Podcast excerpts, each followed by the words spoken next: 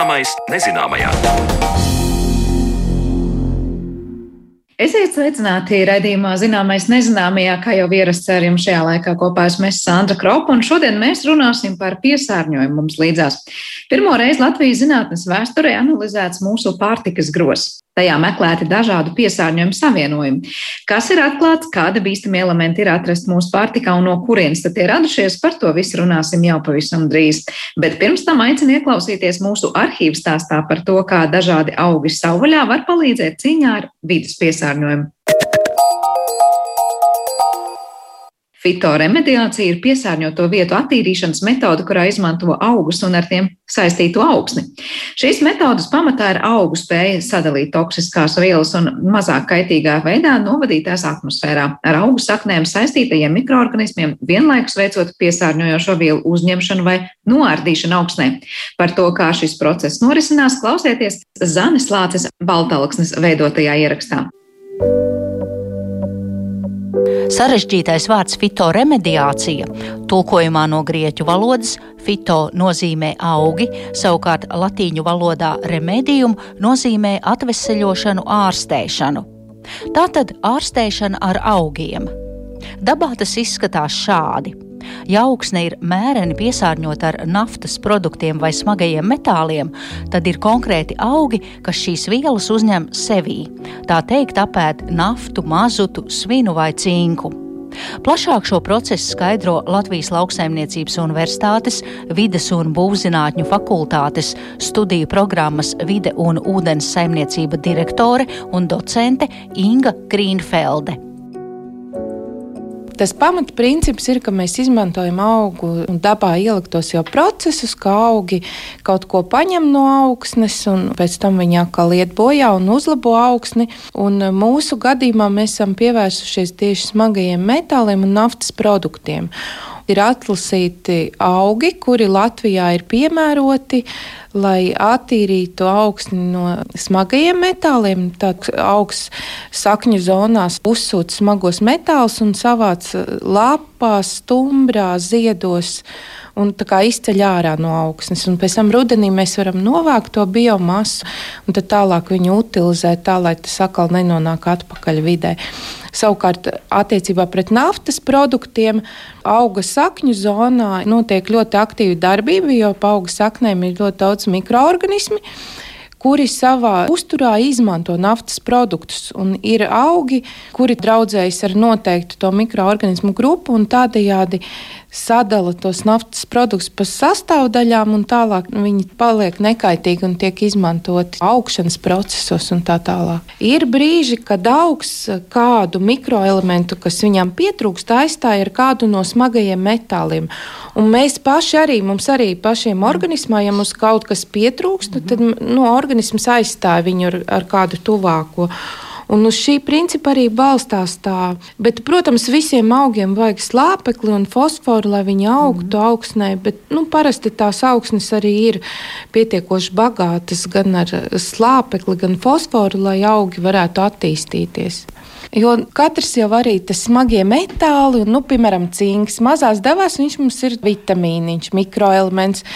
Lielās devās, ja mēs viņu sēdamies, viņš mums ir kaitīgs. Un tie augi jau arī nu, uzņem tādās devās, kas viņiem pašiem ļoti milzīgi ļaunumu nenodara. Un parasti šo metodi izmanto tur, kur ir tāds mērens piesārņojums, bet lielās teritorijās, ko mēs nevaram savākt fiziski, nu, teiksim, savākt un aizvest uz izgāstuvi.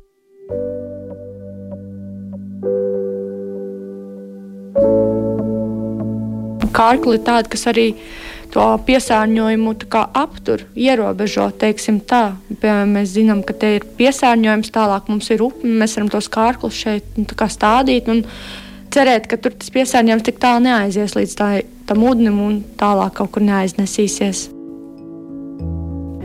Tā teica Ingas Grīnfeldes kolēģe, Latvijas Lauksaimniecības Universitātes vides un būvzinātņu fakultātes doktorante Jovita Pilecka Uļčugāčeva, un viņa rāda pirms pāris gadiem izdoto Latvijas lauksaimniecības zinātnieku sarakstīto grāmatu Fitoremediācija un izmantošanas iespējas Latvijā. Un šajā izdevumā mēs varam redzēt, kādi konkrēti augi mūsu platuma grādos sevī uzņem dažādu vielu augsnes piesārņojumu. Jā, ir izpētīti augi, kas dara mūsu klimatiskajiem apstākļiem. Tur, piemēram, jā, kā jūs teicāt, auzene, ko mēs paši pazīstam, parastā ēgle vai arī kādiķis, ir, kas uzņem sevī smagos metālus. Nu, jā, tie ir tādi tiešām gan ūdens augi, ko mēs pazīstam, piemēram, jā, purva skalbe, kas uzņem smagos metālus, purva purene, Un tad man šķiet, ka te jau te jau katrs otrais augsts, mēs redzam, parastais ozols, te vilku vālīte pārstrādātas ir Arsēns. svins, arsēns, kuprumbī, varš, ja, hroms, mangāns. Piemēram, redzēt, mālēp, mazuts, nu, kas, ko mēs zinām, ka nu, mazuts un mālēp mēs visi principā pazīstam. Pavasarī vienmēr ir tāda, ko redzam Nu jā, es ieraugu biškrēsliņš mazuts, parastā prieda dīzeļdegviela, tad es uzreiz jāiedomājas par ārstnieciskajiem augiem, nu jā, vai tur priežu ķiekur novārījums. Mums jau arī dīzeļdegviela droši vien, ka priežu mežā tādā īpaši jau nebūs, bet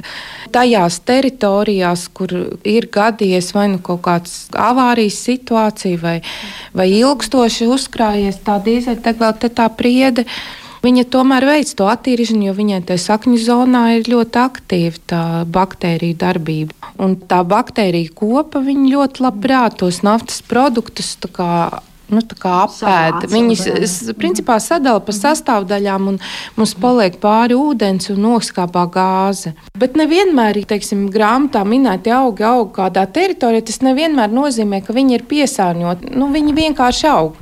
Bet, ja mēs viņus apzināti jau iestādām tā kontrolēti, teiksim, teritorijā, kur ir paaugstināts tas piesārņojums, tad mēs zinām, ka pēc laika mēs to efektu panāksim, ka mēs būsim attīrījuši to augsni. Nē, nē, es tieši domāju, varbūt, ja mēs redzam, ka tādi augi aug, tas varētu būt tāds mierinājums, ah, tā tad tur augsne ir tīra pats par sevi. Nu, nu, principā jā, jo dabā jau tas process ir ielikts. Mēs vienkārši viņu cenšamies saprast un kontrolēt. Bet kā jūs izpētījāt tieši ar ko? Ka, piemēram, lūk, auzene cīnās ar jēlnaftu, skarene ar mazutu. Principā mēs sākām ar to, ka Mēs atradām, ka Amerikā šī tehnoloģija jau tiek izmantota, un Amerikas vidas aģentūra viņu atbalsta un dod arī finansējumu. Līdz ar to viņiem bija vairāk informācijas par to, ko var izmantot, kā var izmantot, un arī vesela virkne pētījumu.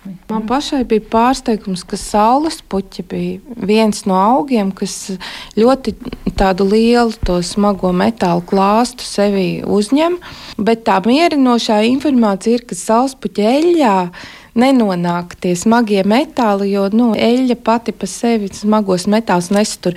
Tie smagie metāli paliek auga stumbrā, lapu daļā. Un, un mēs arī savā materiālā arī pielikām tās atsauces, lai cilvēkiem, kam interesē, viņi var arī izlasīt to materiālu un padziļinātāk arī pētīt. Bet uh, sākām mēs ar to, ka vienkārši apkopojām informāciju, bet mēs atlasījām tos augus, kas mums Latvijā aug to mēs sākām ar tādu teorētisko pētījumu.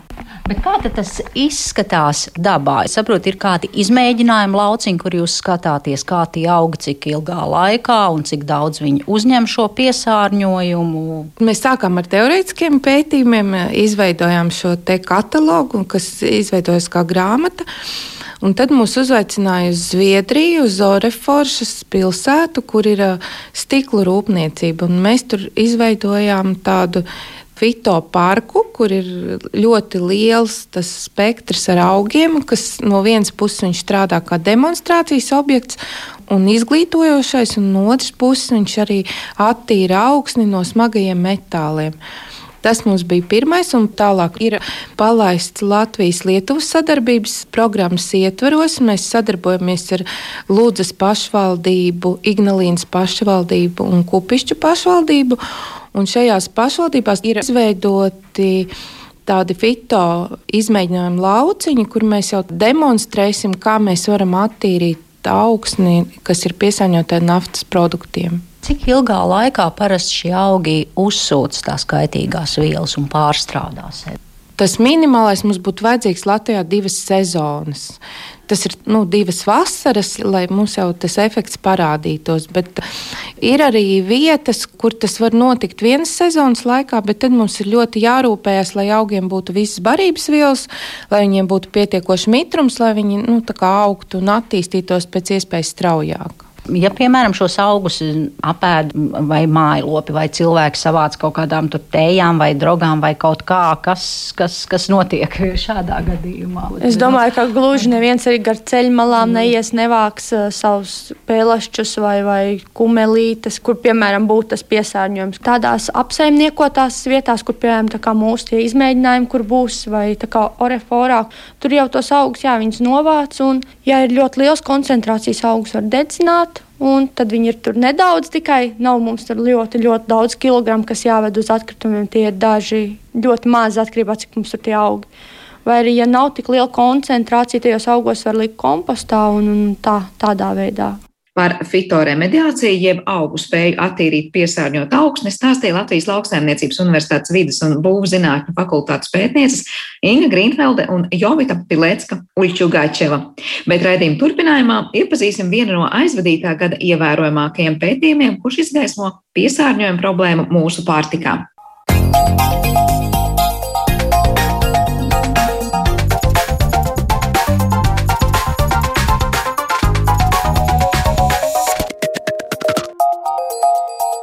Zināmais nezināmajā. Viens no aizvadītā gada Latvijas Zinātņu akadēmijas izceltajiem sasniegumiem zinātnē ir visciešākajā mērā saistīts ar mūsu veselību un vidi.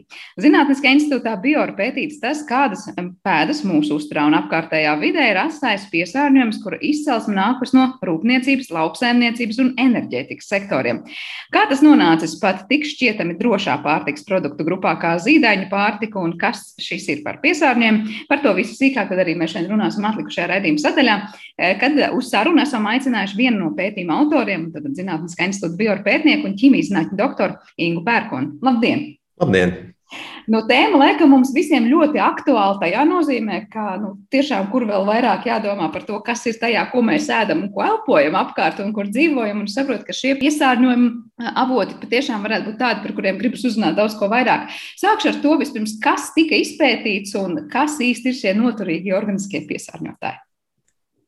Nu, es pat teiktu, varbūt mums nemaz negribās uzzināt vairāk par viņiem, jo uh, tā galvenā problēma ir tāda, ka mēs nevaram no viņiem nekādā veidā īsti izvairīties. Un uh, noturīgie organiskie piesārņotāji pats par sevi jau nosaukums sevi ietver vārdu noturīgs, kas uh, apzīmē, ka šie savienojumi gadu gaitā nesadalās un saglabājas savā sākotnējā formā ārkārtīgi ilgu laiku.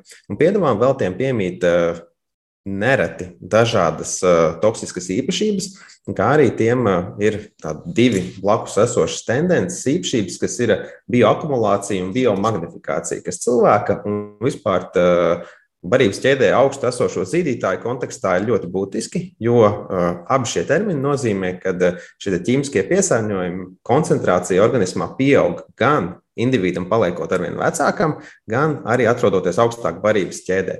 Līdz ar to, jo plēsīgāks zvērs ir un jo ilgāk viņš dzīvo, jo augstākas ir šīs piesārņotāju koncentrācijas. Un tie piesārņotāji nav kaut kāds eh, viens mazs nejauks savienojums, bet tās ir eh, ļoti dažādas eh, ķīmisku savienojumu grupas. Tie visi ir organiski savienojumi, tie visi satur vienu vai vairākus halogēnu atomus, tur chloru, jodu, bromu, fluoru.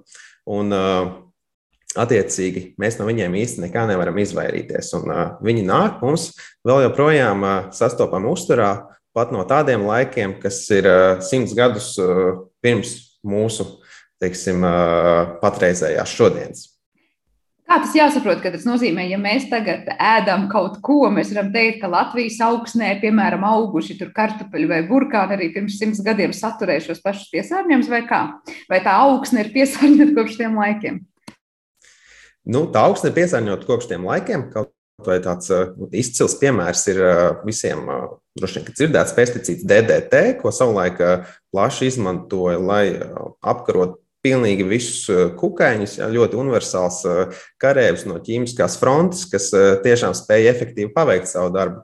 Bet, diemžēl, tās sekas, kuras tikai vēlāk pagājušā gadsimta 60. gados tā stingri sāk pamanīt, tas, kad pārāk augsta un DDT lietošana negatīvi ietekmē apkārt esošās sugas, īpaši plēsīgos putnus, un tālāk jau ienāca arī dati par cilvēkiem un to, kad izrādās, ka būtībā katrā pasaules iedzīvotājā, ja paņem neksim, asins plasmas paraugu, tad uh, varētu konstatēt, vēl joprojām DDT paliekas. Un šeit jau mēs runājam par savienojumu, kas ir aizliegts uh, daudzus desmitus gadus un netiek uh, lietots ar ļoti retiem izņēmumiem, gandrīz nekur.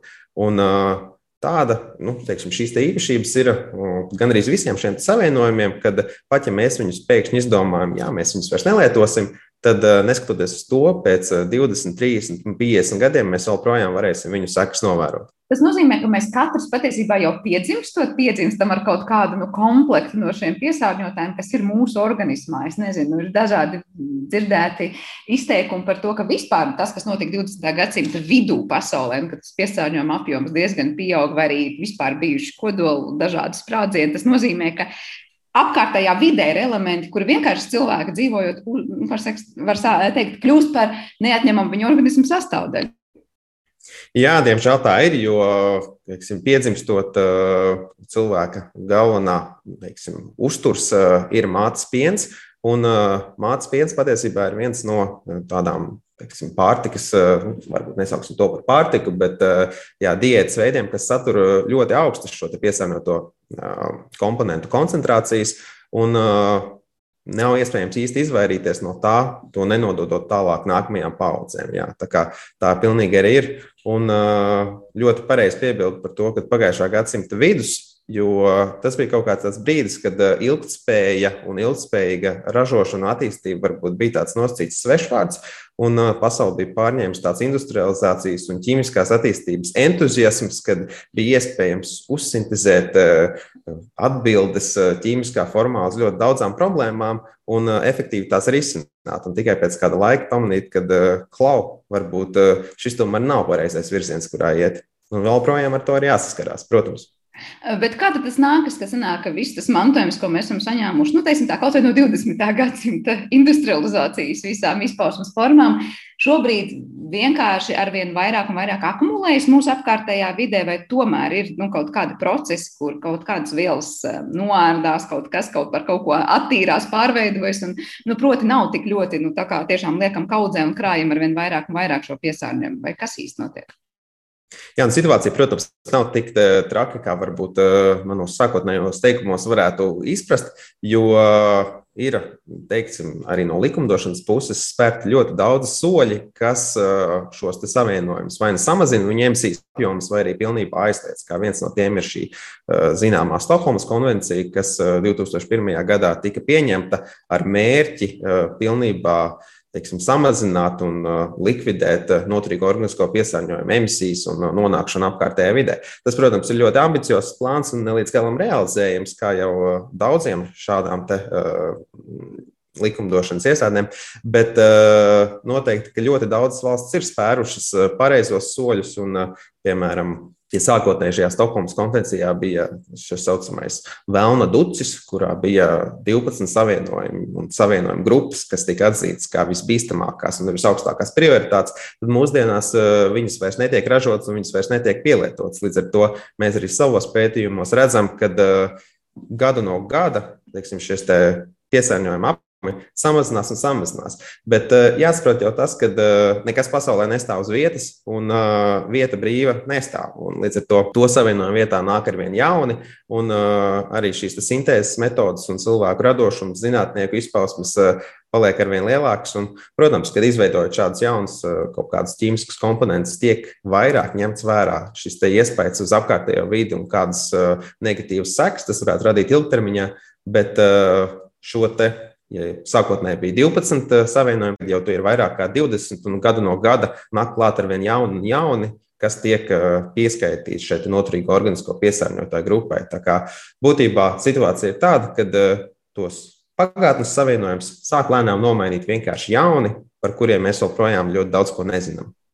Eh, nu, labi, bet šī pieminētā Stokholmas konvencija tad nu, novērš to, ka varbūt tie pagātnes, eh, varbūt ir 12 izteiktākie, nu vairs nav tik ļoti daudz varbūt lietojami vai sintēzējami. Bet ko darīt ar tiem, kas jau nonākuši bija apkārtējā vidē? Jautājums ir par to, vai viņi tur akumulējās un nenoārdās, vai tomēr ar laiku mēs varam teikt, nu, tā apkārtējā vide attīrās, un mēs nevarētu teikt, ka tiešām tas, ko cilvēki piesārņoja, tur varbūt 20. gadsimta 60. gados, joprojām ir izteikti jūtams šogad, un vēl tikpat daudz būs jūtams pēc desmit gadiem un pēc 20.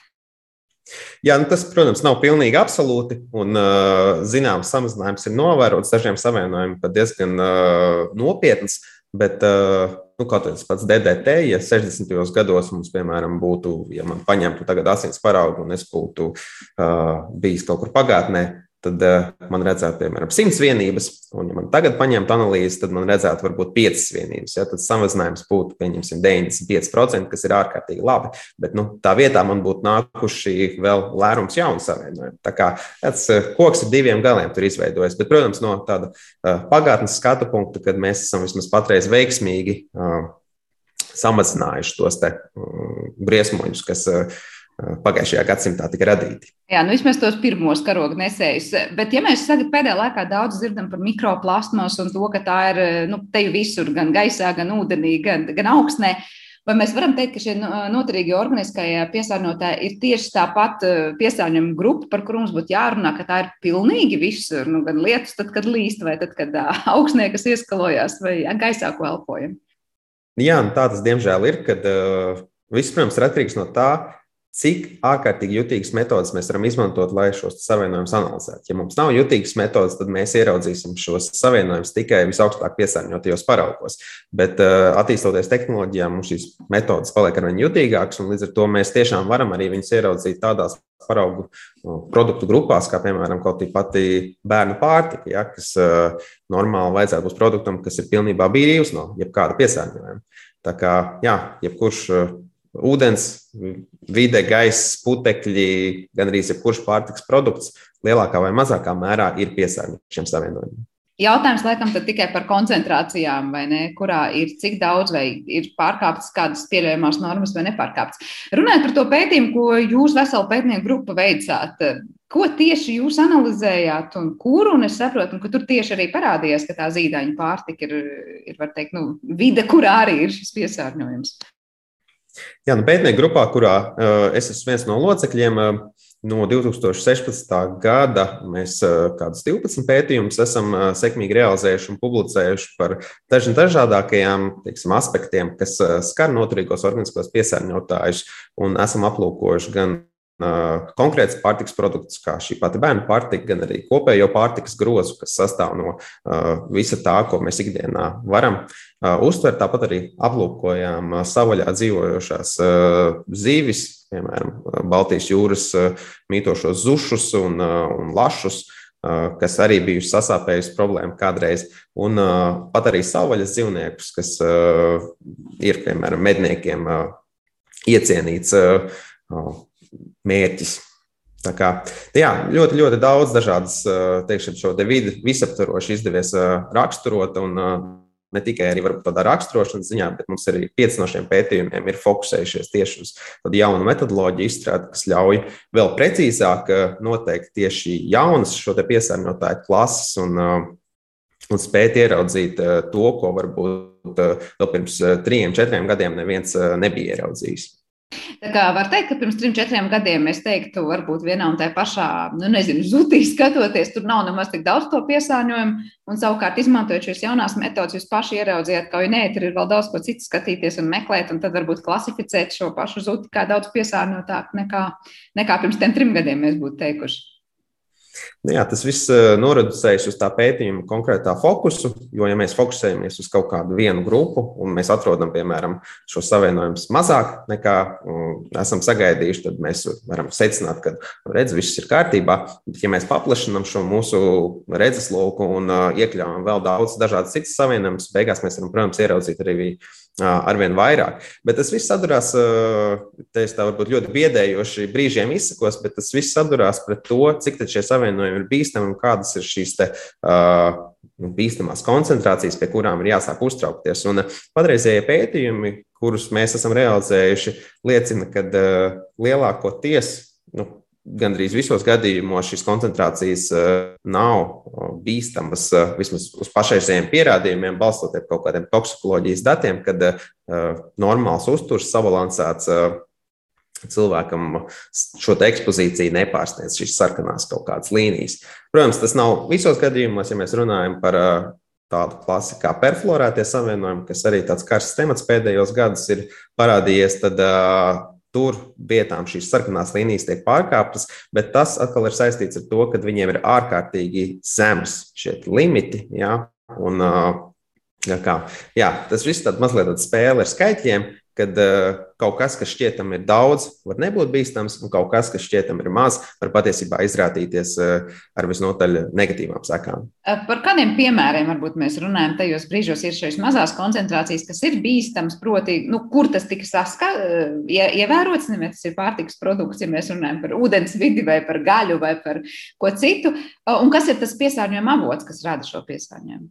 Primāri mēs aplūkojam tieši pārtiks produktus, un šeit dati ir iegūti no pārtikas groza pētījumiem, kad mums, piemēram, ir pētījuma dizains, kurā atrodas simts paraugi, un mēs neskatāmies, piemēram, simts olas, bet mēs skatāmies piecas olas piecus piena paraugus, tad desmit gaļas, tad sierus, tad vēl kaut ko, maizes paraugus. Tad mēs saliekam kopā visus šos iegūtos datus kopā ar tiksim, to Eiropas, vidējā Eiropiešu, vidējā Latviešu ikdienas patēriņu un saprotam, nu, cik daudz cilvēks kaut kādos pat negatīvākajos scenārijos, kad šis uzturs ir ārkārtīgi nesabalansēts, varētu patērēt un kāda varētu būt šī ekspozīcija. Un tad, eh, jā, kas attiecās uz perfluorētiem savienojumiem, tiešām šī ekspozīcija, balstoties uz patreizējiem datiem, nedaudz tiek pārkāpta. Bet uh, negatīvā lieta ir tāda, ka īstenībā jau nekā mēs nevaram uh, izvairīties no tā. Tas uh, atslēga šai problēmai atrodama daudz tālāk. Proti, ir jāsamazina ražošanas apjoms un ir pakāpeniski nu, vienkārši jā, jābeidz izmantot produktu, kas satur šādas savienojumus, un jāveic arī kaut kādas teiksim, efektīva utilizācija un neļaut viņiem šiem produktiem ieiet vēlreiz cirkulācijā, jo arī teiksim, ir populāras teiksim, plasmasas produktu otrreizēja pārstrādē ja, un izmantošana produktos. Tā varbūt uh, šķiet kā tāda ārkārtīgi laba alternatīva, bet arī tur ir nianses, kad ir svarīgi saprast, kāda plasmasa, jo ne pilnīgi visas plasmasas ir uh, labas un atbilstošas. Tad, laikam, es precizēšu to jautājumu tālāk. Tā doma arī man bija vairāk saprast, vai tad, kad tas piesārņojums ir konstatēts pārtikas produktā, nu šobrīd nezinu, nediferencēsim, vai tas ir sieras gaļa vai kas cits Vai ir iespējams pateikt, lūk, tas nāk tāpēc, ka ir lietot vai nu pesticīdi, vai tas nāk tāpēc, ka ir ne tādā plasmasas kaut kādā iepakojumā pildīts, vai, nezinu, pārstrādes laikā ir kaut kādas piesārņojošās vielas vienkārši nonākušas tur apkārtējā vidē, ūdenī vai kā citādāk. Proti, vai ir iespējams izsakot tam ceļam, nu, kur ir tā vainīgā sākums? Jā, nu tie jau būtu mazliet citi tipi pētījumi, kas ir konkrēti fokusēti uz, piemēram, ražošanas procesa izpēti, kad mēs ņemam uh, produktu, viņa izēvielas no A līdz Z. Viņš iziet cauri šim ražošanas procesam līdz tam gala rezultātam, un katrā konkrētā solī tiek skatīts, kā mainās šī piesārņojuma apjoma dinamika. Tad jau mēs varam pateikt, kas varētu būt šis punkts, kurā piesārņojums ir nonācis konkrētajā produktā. Un, atkarībā protams, no šī piesārņotāja klases, tās vietas var būt dažādas, kas attiecās uz to bērnu pārtiks pētījumu. Tad, uh, Tur bija, man liekas, eh, rakstīts, ka pāris paraugos tika atrastas ārkārtīgi augstas chlorēto eh, parafīnu koncentrācijas, kas ir viena no šīm piesārņotāju grupām. Bet, uh, Tas no teiksim, 70 paraugiem tie ir divi paraugi, kas pat nenāk no Latvijas. Un, un tās koncentrācijas ir eh, varbūt relatīvi augstas uz kopējā fona, uz pārējiem 70 paraugiem, bet viņas tik un tā atrodas ārkārtīgi tālu, lai pārkāptu šīs sarkanās līnijas. Līdz ar to kopumā eh, tas gala secinājums ir tas, ka eh, pat, ja ir atrastas varbūt tādas anomālijas, tās tik un tā ir vēl projām patērētājiem ļoti drošas. Bet vai varbūt tā situācija, ko mēs bieži dzirdam, kad mēs runājam par pesticīdiem, kad arī saka, ka nu, netiek pārsniegtas kaut kādas pieļaujamās normas, bet kas notiek, kad cilvēks varbūt lieto pārtikā vienu produktu, kurā jau ir nu, ne pārāk augstas, bet tomēr koncentrācijas, citu, kur arī ir ne pārāk augstas un tomēr koncentrācijas, un beigās sakām, nu, tāds kokteils varbūt veidojas vielu, un vai ir pētīts, Kas notiek, kad nu, akumulējās šie dažādie, nezinu, pārtikas produkti no viena no otra gala, un beig beigās varbūt cilvēks tomēr saņem tās koncentrācijas virs pieļaujamās normas? Jā, šie sinerģiskie efekti ir ārkārtīgi grūti pētāms temats pēdējo, man liekas, pāris gadu laikā jau pētniecības grupām ir kaut kādi pirmie mēģinājumi, bet arī tie aprobežojas, teiksim, ar nevis 20 dažādiem piesārņotājiem, bet 3, 4 skatoties, kā šī vienu, viens komponents otru ietekmē, vai viņiem var piemist kaut kāds kumulatīvs efekts. Tā kā nu, patreiz jāsaka, ka šī fronte joprojām ir tādos bērnu autiņos un tā korekti zinātniski pateikt, ka eh, jā, šis savienojums eh, pastiprina otru savienojumu negatīvos efektus īsti nevar. Tātad tur vēl ir daudz darāmā, un es ceru, ka turpmākie gadi varbūt paies atkal pētot dažādus šos kumulatīvos efektus, kā tikko minējāt. Vēl mazliet jautājums precizējoši par to, ko pētījāt no pārtikas produktiem. Es tā iedomājos, nu, labi, piemēram, zivis vai gaļa. Jūs teicāt, tur ir dažādi veidi, bet kā jūs noteicāt, nu, kuras zivis, eh, piemēram, jūs pētīsiet, vai tās būs populārākās, ko ēd Latvijas iedzīvotājs?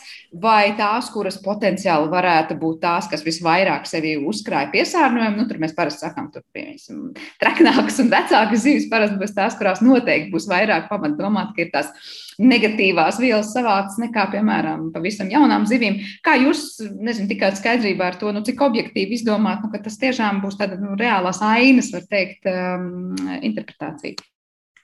Tas atkal bija atkarīgs no liksim, pētījuma konkrētā virziena. Tajā brīdī, kad bija šis pārtikas groza uh, tipa pētījums, tad, protams, ir jāskatās uh, tās uh, tie zivju izstrādājumi, kurus tiešām patērētājs ikdienā patērē, nevis kaut kādas ļoti unikālas sugas, kuras varbūt ir ārkārtīgi piesārņotas, bet kuras līdz patērētājiem realitātē nenonāk. Bet uh, tad, kad, piemēram, bija pētījums par šiem pasiem žušiem, nu, ikdienā uh, ne visi Latvijas iedzīvotāji, man liekas, patērē zušus. Es personīgi neesmu liels zušu uh, entuziasts, bet es zinu, ka cilvēki ir.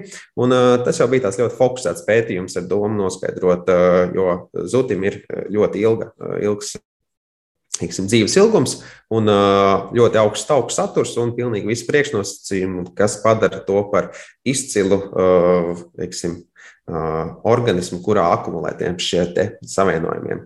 Jā, tāpēc nu, viss atkarīgs, protams, ir no tā, ko mēs gribam redzēt. Vai mēs gribam redzēt konkrētu sugu, tad arī mēs skatāmies nevis piecus paraugus, bet teiksim, 30 zušus, lai tiešām raksturotu, kāda šī piesārņojuma dinamika konkrētajā sugā ir. Bet jūs skatījāties, ir, nu, es nezinu, veikalu plauktos liekas populārākās, tur foreles, lašus, citas zivis, vai arī tās tika iekļautas šajā pētījumā?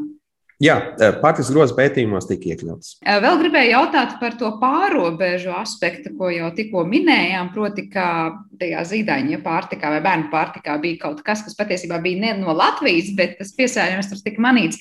Eh, cik lielā mērā vispār runājot par šiem noturīgiem organizētiem piesārņotājiem, mēs varam runāt, ka tas ir kaut kas, kas rodas un paliek šeit pat uz vietas, Vai tas ir kaut kas, ko mēs saņemam no citurienes, un mēs īsti vispār nevaram ietekmēt? Es nezinu, nu, piemēram, ja tas ir vēl ārpus Eiropas Savienības, tad vēl jau mazāk, kas notiek tajās konkrētajās valstīs un teritorijās, lai tie piesārņotāji tiktu samazināti. Jā, nu piesārņojumam robežas tādas uh, politiskā izpratnē nepastāv. Nav tā, ka uh, kāds piesārņotājs, kurš ir aizliegts mūsu valstī, bet atļauts kaimiņu valstī, uh, nonākot robežā apdomā divreiz, vai viņam tiešām tur vajadzētu nonākt. Uh, līdz ar to viņš diezgan viendabīgi izplatās uh, pa visu pasauli. Uh, tā ir patiesībā vēl viena no noturīgo organisko piesārņotāju īpašībām, tas, ka tiem piemīt uh, ārkārtīgi augsts transporta potenciāls, eh, tajā skaitā pat uz pasaules visnomaļākajiem reģioniem.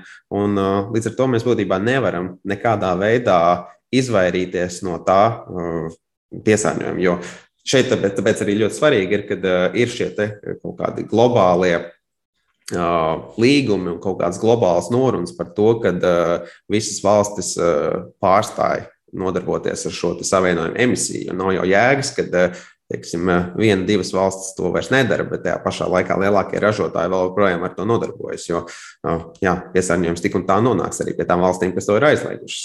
Un tāpēc arī šādas Stokholmas konvencijas ir ārkārtīgi nepieciešamas, lai šos kolektīvos mērķus būtu kaut kādā saprātīgā laika termiņā iespējams sasniegt. Eh, bet kā ar to iespēju attīrīt jau esošo piesārņojumu? Nu, nezinu, mēs arī mūsu raidījumā dažreiz esam runājuši par to, kā nu, ir konkrēti augi, kas, piemēram, attīra augsni no noteiktām vielām, vai te ir stāsts par to, ka no šiem noturīgiem organismiem piesārņotājiem mēs nekādīgi netiksim vaļā, vai tomēr, es nezinu, sēsim saules puķus un eh, cerēsim, ka no augsnes pazudīs kaut kas ļoti, ļoti bīstams. Nu, Kā pētniecības lauciņš, tas, protams, ir ļoti vilinošs un tādos varbūt mazāka mēroga laboratorijas pētījumos tur ir iespējams sasniegt gan efektīvu rezultātu, bet cits jautājums, cik tas ir rentabli un cik to ir iespējams realitātē arī ieviest, jo tas viss jau atturās arī pret kaut kādām finansiālām izmaksām un, un kaut kādu globālo prioritāti. Un, uh, darāms tas varbūt arī būtu, bet uh, es reāli šaubos, ka uh, tādā normālā ikdienas situācijā, ja mēs nerunājam par augstu piesārņojumu kaut kādiem konkrētiem objektiem, kas ir nezinu, avārija vietas, kurām ir nepieciešama sanācija, tad uh, pa lielam uh, patreiz tas vēl nav sasniedzams mērķis. Bet, kas attiecās uz uh, konkrētiem pārtikas produktiem, piemēram, populāra lieta ir zivju eļļas tad tām gan, protams, viņas tiek speciāli attīrītas, laistas caur ogles filtriem un dažādām citām tehnoloģijām, lai tas gala produkts, ko patērētājs saņem, tik tiešām ir pilnībā brīvs no jebkāda piesārņojuma. Tā kā ir iespējas sevi pasargāt. Varbūt pamazām noslēdzot šo sarunu, es varu lūgt nosaukt kaut kādu, nezinu, Latvijas gadījumā lielāko problēmu vai lielāko piesārņojumu avotu vai lielāko piesārņojumu nu, vienību topu, proti, vai, vai mums izkristalizējās pētījumā kaut kādas izteiktas tendences, par kurām runāt, vai konkrēti pārtikas produkti vai konkrētas vielu grupas. Man personīgi negribētos nosaukt kaut kādus o, topus, jo uh, Neko jau arī tas nemainīs, kad uh, patērētāja baidīšana, jo no tā nav iespējams nekādā veidā īsti izvairīties, par, lai kā mēs tur censtos. Jo nav iespējams katru nopirkto produktu aizvest uz laboratoriju, pārbaudīt, nostā, nogaidīt šīs divas, trīs nedēļas, un tad saņemt rezultātus un tad pielāgot savu uzturu. Uh, līdz ar to jā, tas viss uh, noradīsies tā, ka tā ir tāda globāla problēma, kas uh, vienkārši kopīgiem spēkiem tiek risināta. Un, bet vispār Latvijas situācija ir uz pārējo Eiropas, un it īpaši Rietumvalstu un Amerikas Savienoto Valstu fona ārkārtīgi laba, jo pirmām kārtām mums nav bijusi tāda ļoti intensīva, uh, nu, ir bijusi rūpniecība, bet ne tieši noturīga organisko piesārņotāju ziņā. Un, līdz ar to arī tā mūsu vide ir samērā tīra. Protams, tur ir cita veida problēmas, bet kas attiecās uz tiem noturīgiem organiskiem piesārņotājiem, tad mūsu liksim, ūdenskrātuves un augsne ir diezgan labā kvalitātē. Bieži mēs dzirdam Latvijā dažādas diskusijas par pesticīdu apjomu, kas tiek lietots. Un, protams, mēs neiesim šeit detaļās, kas kurā brīdī ir vai nav arguments, bet kā izskatās pesticīdu šī piesārņojuma fona. Jo saprotu, pesticīdi ir daļa no šī noturīgā organiskā piesārņojuma. Jā, ir atsevišķas pesticīdu, pagātnē lietot pesticīdu piemēri, kas eh, ir iekļauti šajos iesaistītājs sarakstās. Mūsdienās gan īsti tādus, vismaz Latvijas teritorijā, nelieto. Cik zinu, to pašu DDT atsevišķās Āfrikas valstīs vēl projām lieto, lai apkarotu malāriju. Bet pesticīdi ir mazliet cits stāsts, jo tur ne, lielākā daļa no viņiem nav noturīgi, bet uh, viņiem var pastāvēt uh, tik un tā teiksim, šī ilgtermiņa ekspozīcija, tāpēc ka mēs viņus regulāri lietojam. Ja?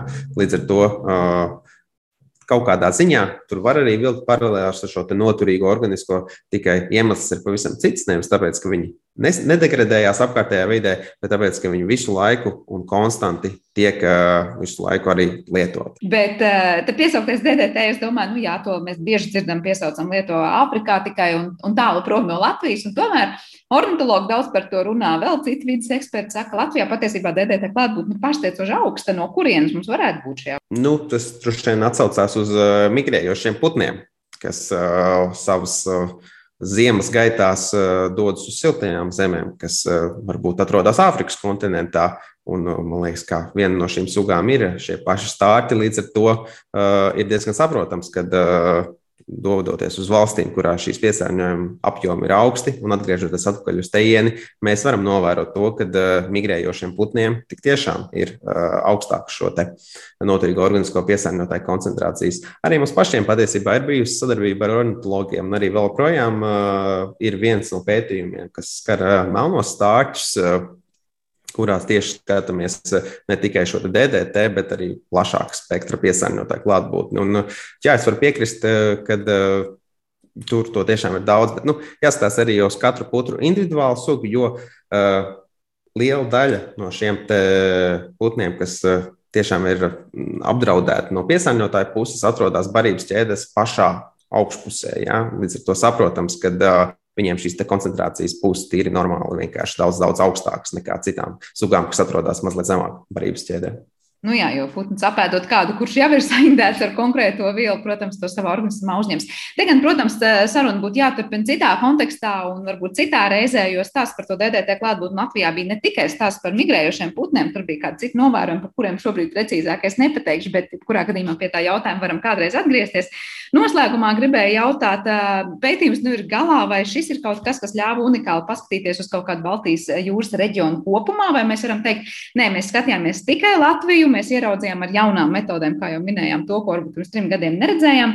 Un kas notiek tālāk? Jā, primārais fokus bija uh, tieši uz Latviju. Protams, ja runa ir par Baltijas jūras zivīm, tad uh, tajā brīdī mēs viņus uh, neuzskatām par, par Latvijas zivīm. Tās pieder kopējai Baltijas jūrai, līdz ar to tas viss pētījums ir mazliet paplašināts. Bet tālākais stāsts jau ir vienkārši turpināt un attīstīt jau esošos pētījumu virzienus, jo arvien jauni savienojumi parādās kā potenciālie noturīgie piesārņotāji. Līdz ar to ir uh, lērums jaunu metožu, kas ir jāizstrādā un tālāk jau jāaprobē uz uh, pārtiks produktu grupām, lai saprastu, vai šis piesārņojums ir tur sastopams un vai patērētājiem varētu būt kaut kāds potenciāls uh, drauds no tā visa. Jā, tā kā tur jau darbs nekad nebeidzās, un es domāju, ka vēl tuvākos mana mūža garumā noteikti šī tēma vēl sevi nebūs izsmēlusi. Jā, pētniekiem darba pilns rokas, tātad ne tikai šim un nākamajam, bet arī vēl turpmākajiem gadiem. Paldies liels par šo sarunu. Es atgādināšu klausītājiem, ka dzirdējām vienu no pētījuma autoriem un Zinātniskā institūta bioru pētnieku ķīmijas zinātņu doktoru Ingu Pērkonšanu mūsu raidījuma attālinātajā studijā. Ar to arī raidījums ir izskanējis un par to parūpējās producenta Paula Gulbinska, mūzikas redaktors Ķirs Bišs un ar jums kopā viesis Sandra Kropa. Uz tikšanos!